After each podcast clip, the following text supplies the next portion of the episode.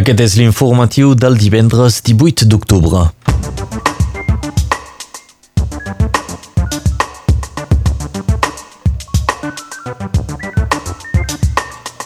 Dia de vaga general avui a Catalunya Sud, la gran manifestació prevista a Barcelona coincidirà amb l'arribada de les marxes per la llibertat.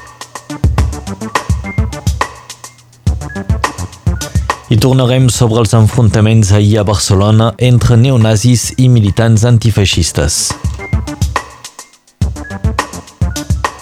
També us portarem al Conflent on s'hi prepara un taller de formació a la lluita no violent.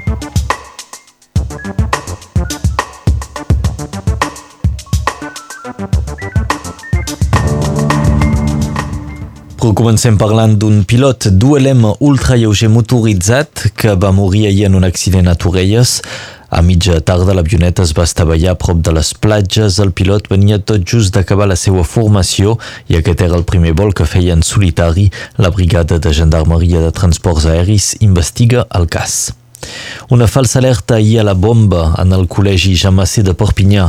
Els alumnes van ser evacuats a la tarda després que un home entrés a l'establiment amb un paquet i que hagi tornat a sortir amb les mans buides.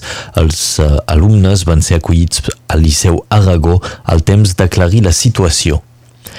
Catalunya viu avui una jornada de vaga general. És la quarta en menys de dos anys en relació amb el procés independentista. La Generalitat ha dictat una sèrie de serveis mínims que afecten el transport públic, l'educació, la sanitat i altres activitats i serveis bàsics.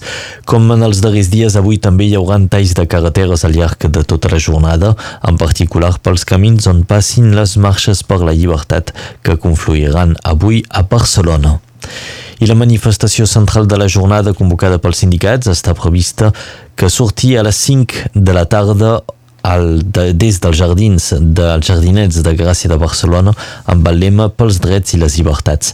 A més, també s'han convocat manifestacions arreu de Catalunya durant tot el dia. Aquesta vaga coincideix avui amb una aturada estudiantil que afecta els estudiants universitaris i també els de segon cicle de secundària. Quarta nit d'afrontaments a Catalunya Sud, un dels moments de més tensió es va produir quan un grup de neonazis van provocar manifestants antifeixistes. Es van viure imatges de molta violència per part dels feixistes. La passivitat de la policia contra aquest grup d'extrema dreta ha aixecat moltes crítiques. El president del Parlament, Roger Torrent, ha qualificat d'incomprensible que, les, que els manifestants ultres hagin pogut creuar mitja ciutat fins a protagonitzar aquests incidents. Fons dels els Mossos han negat rotundament que hagin tingut permissivitat cap a les persones que han mostrat actituds violentes aquest dijous a la nit. I les actuacions de les forces de l'ordre segueixen portant molta polèmica. Ja s'han vist molts casos de policies infiltrats que iniciaven els desbordaments a les manifestacions. Ahir, però, es va fer una gran manifestació dels CDRs amb unes 20.000 persones, eh, tots joves als jardinets de Gràcia, una gran concentració de jovent que en tot moment va ser festiva i pacífica amb activitats esportives i jocs. Curiosament, la concentració es va fer sense la presència dels Mossos d'Esquadra. Molts assistents feien remarcar que sense la presència dels Mossos les manifestacions no coneixen cap desbordament. I la jornada d'ahir va ser marcada també per la compareixença del president Quim Tor al Parlament.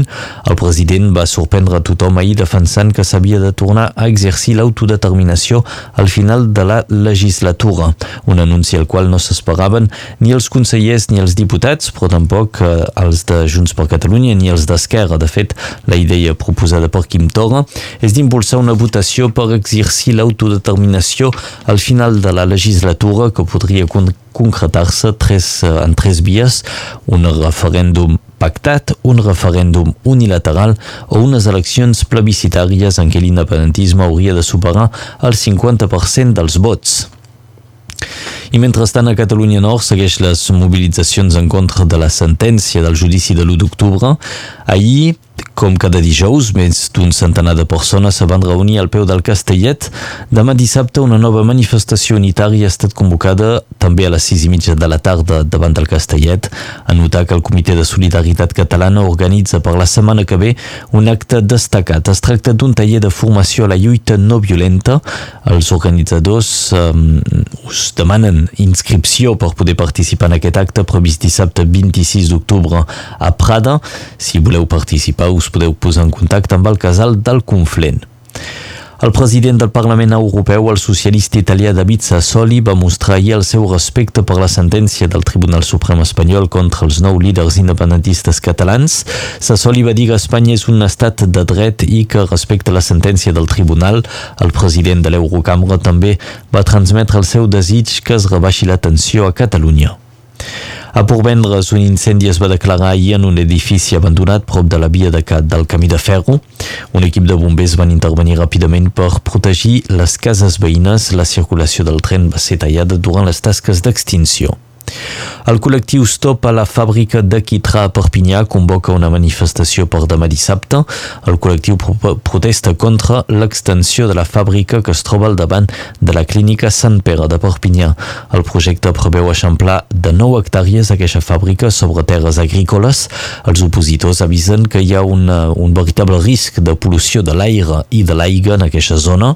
Demà, doncs, a les 10 del matí, tres marxes sortiran de diferents punts del sector i acabaran en un terreny veí a la fàbrica on s'hi organitzarà un vilatge alternatiu amb debats, concerts, projeccions i parades d'associacions. A nivell internacional, el president de Turquia, Recep Tayyip Erdogan, ha acceptat finalment un alto al foc al Kurdistan per deixar temps a les forces kurdes de retirar les seues tropes. L'alto al foc és de 5 dies i arriba per un acord dels Estats Units. Les milícies kurdes ja han fet saber que rebutgen aquest acord. L'USAP juga avui contra Mont de Marsan a partir de les 8 del vespre. L'USAP intentarà mantenir la bona ratxa aconseguida en el darrer partit contra Oriac.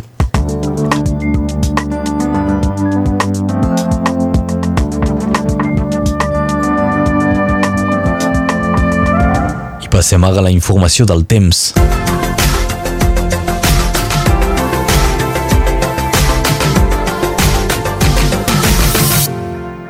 Aquest divendres continua la mateixa tendència dels darrers dies. Alternança de sol i de núvols a tot Catalunya Nord, el vent avui és fluix i de direcció variable. A notar, però, que de cara a aquesta nit hauria de ploure en feble quantitat, sobretot a la plana del Rosselló i al Vallespí.